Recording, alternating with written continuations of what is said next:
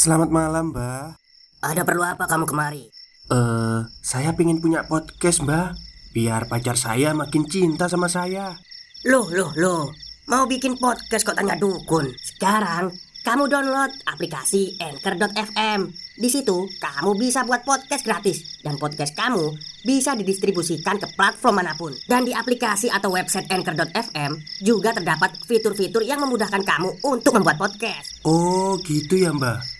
Kalau gitu, saya boleh minta password wifi-nya, Mbak. Buat apa?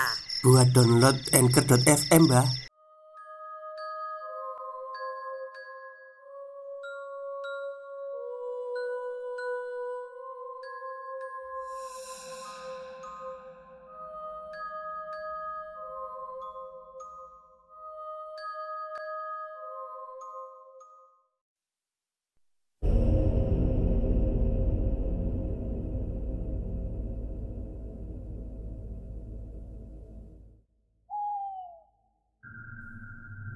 Assalamualaikum warahmatullahi wabarakatuh. Halo semuanya, jumpa lagi dengan saya Chow Sing Sing, kurator dari Podcast Horror Night Story.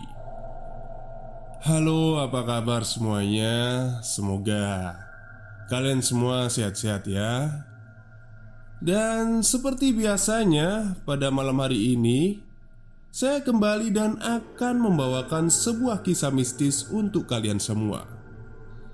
Dan kisah mistis kali ini saya datangkan dari blognya Mas Lukman, seorang driver ojol yang mengalami kejadian menyeramkan saat mengantarkan seorang wanita di sebuah rumah mewah.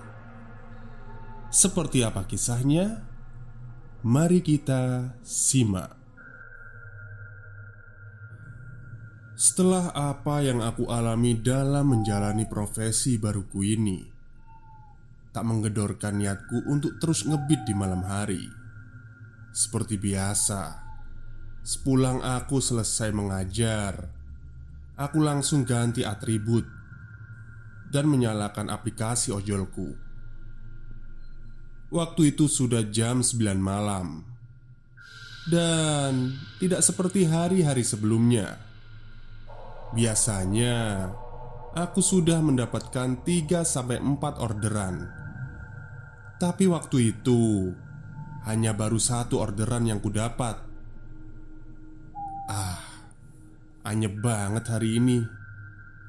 Gumamku dalam hati. HP yang sedari tadi aku pegang Sama sekali tidak ada bunyi notifikasi Yang menandakan orderan masuk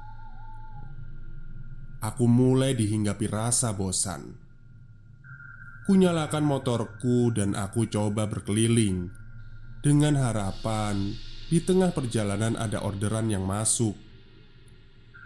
Lalu aku arahkan motorku ke pusat kota Bogor. Tepat di depan terminal Baranang siang, HP ku berbunyi. Kuhentikan motor dan kulihat ternyata ada orderan masuk untukku. Syukurlah. Dengan tersenyum kecil aku berucap. Segera aku tancap gas setelah tahu di mana titik penjemputannya. Setibanya aku di titik penjemputan.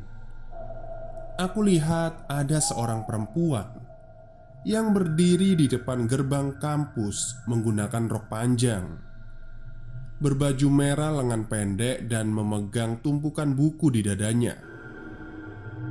Eh, Mbak, Mbak pesen in driver ya? Tanyaku. Dia hanya menganggukkan kepalanya, tanda mengiyakan ucapanku. Lalu, kusodorkan helm sambil berkata, "Silahkan, Mbak, ini dipakai helmnya." Lagi-lagi, dia tidak berkata apa-apa langsung duduk di jok motor tanpa mengambil helm yang kusodorkan. Ah, mungkin dia nggak mau pakai helm, pikirku. Mukanya yang pucat pasi membuatku mengurungkan niatku untuk banyak bertanya. Akhirnya mulailah ku jalankan motorku. Dan di sinilah aku mulai merasakan ada keanehan Tidak seperti biasanya Daerah yang aku kenal dengan daerah yang ramai ini Mendadak menjadi sepi. Tidak ada mobil atau motor yang hilir mudik. Tidak ada satupun mahasiswa lain Yang terlihat atau bahkan Warung-warung sekitar yang biasanya buka sampai tengah malam semuanya tutup. Aneh. Tapi aku tidak menghiraukannya Karena yang ada di benakku saat itu adalah Tiba sesegera mungkin dan langsung pulang ke rumah Sepanjang perjalanan Aku berusaha mengajak ngobrol perempuan itu Untuk mencairkan suasana Eh, baru pulang kuliah ya mbak? Emang ada ya kuliah sampai malam gini? Gak takut mbaknya pulang malam gini Tanyaku membuka obrolan Tapi Lagi-lagi tidak ada jawaban dari perempuan itu. Aku yang merasa kesal saat itu karena semua pertanyaanku tak pernah dijawab. Lalu aku tancapkan gas untuk lebih cepat mencapai tujuan. Terlihat jalanan yang semakin sepi Dan terasa asing bagiku. Aku pun kembali bertanya Mbak, ini beneran jalannya? Perempuan yang sedari tadi tidak menjawab pertanyaanku Kini dia hanya menjawab Iya mas. Mendengar jawaban dari perempuan itu Aku tak menghiraukannya Karena aku ragu. Jalan yang aku lalui semakin lama semakin sempit. Dan bukan aspal lagi Hanya jalan setapak Yang hanya bisa dilalui oleh motor Aku benar-benar dibuat heran saat itu. Berbagai pertanyaan muncul di kepalaku. Waduh, sejak kapan daerah Sukaraja ini banyak sawah? Akhirnya, ku pelankan motorku. Dan ku cek lagi GPS yang ada di HP Dan sialnya ternyata GPS ku error. Tidak bergerak sama sekali Perempuan itu seolah-olah mengerti kepanikanku Dan kembali berbicara Udah di depan kok mas Tuh rumah saya Aku yang sedari tadi jalan pelan sambil memperhatikan HP tidak sadar bahwa sekitar 100 meter di depanku sudah ada rumah yang begitu mewah. Rumah dua lantai yang bercat emas dan dikelilingi pagar yang tinggi. Aduh, akhirnya gumamku dalam hati. Lalu aku menghentikan motorku di depan gerbang rumah itu. Segera aku terima pembayaran dan melihat perempuan itu bergegas masuk ke dalam rumah itu. Aku yang saat itu masih keheranan Tidak lekas buru-buru menyalakan motorku Aku memperhatikan rumah itu dan sekitarnya Kok ada ya rumah mewah di tengah-tengah sawah? Sambil bertanya dalam hati Aku masih terus memperhatikan sekitar Kemudian Aku mencium ada bunga melati yang begitu mencolok hidungku. Stop, stop, kita break sebentar. Jadi, gimana? Kalian pengen punya podcast seperti saya? Jangan pakai dukun, pakai anchor, download sekarang juga gratis.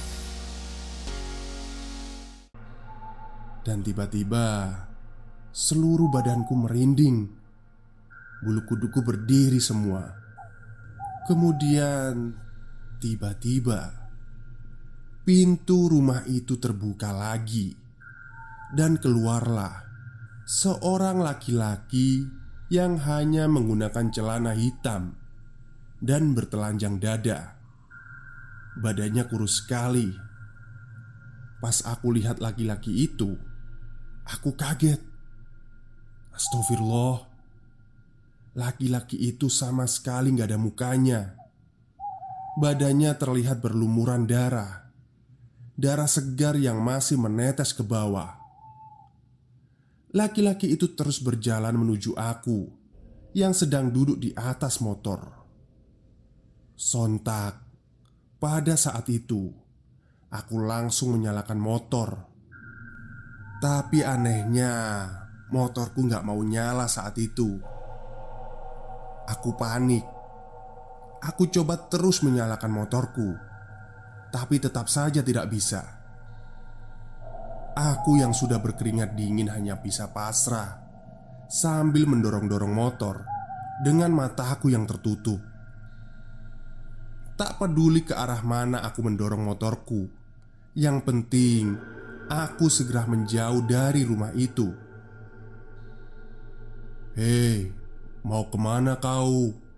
Sini, mampir ke rumah kami.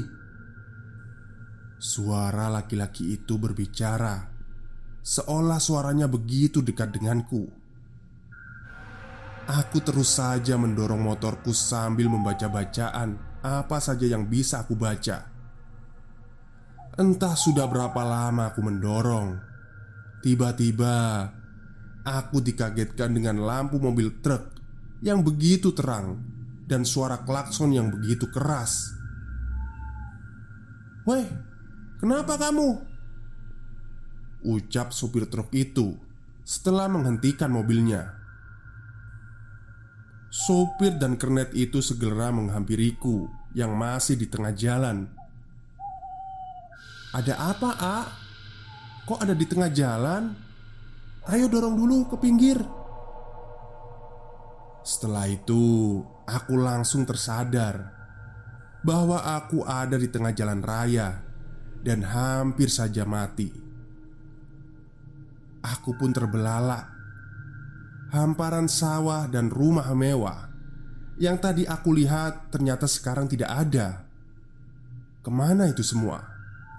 Lalu akhirnya aku menceritakan kejadian yang aku alami kepada mereka bahwa aku sudah mengantarkan penumpang ke rumah mewah yang ada di tengah sawah, yang akhirnya aku mengalami kejadian menyeramkan.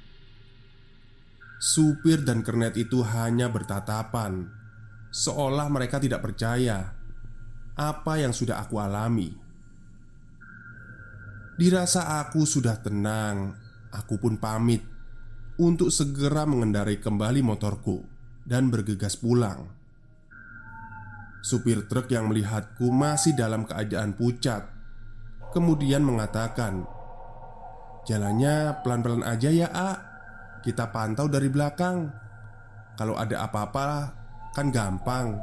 Begitu katanya. Waktu itu jam sudah menunjukkan pukul 11 malam. Aku putuskan untuk pulang Dan segera aku hampiri bapak supir tersebut Dan mengucapkan terima kasih atas bantuannya. Lalu aku pun bergegas pulang meninggalkan truk tersebut. Setibanya di rumah Aku tak menceritakan apa pun yang aku alami. Biarlah cerita ini menjadi bagian cerita dari pengalamanku menjadi driver ojol. Salam satu aspal. Oke, sekian kisah mistis yang dialami oleh Mas Lukman yang berprofesi sampingan sebagai driver ojol ya. Jadi sebenarnya memang banyak sih ya kisah-kisah seram yang dialami oleh uh, para driver kita, driver ojol kita itu. Ada yang pernah nganterin di kuburan, ada yang pernah nganterin makanan di rumah kosong. Ya, banyak sekali lah. Ya, untungnya sih ya, saya punya teman ojol juga, tapi nggak pernah ngalamin seperti itu. Apa sih? Oke, mungkin uh, itu saja cerita pada malam hari ini. Kurang lebihnya, saya mohon maaf. Wassalamualaikum warahmatullahi wabarakatuh.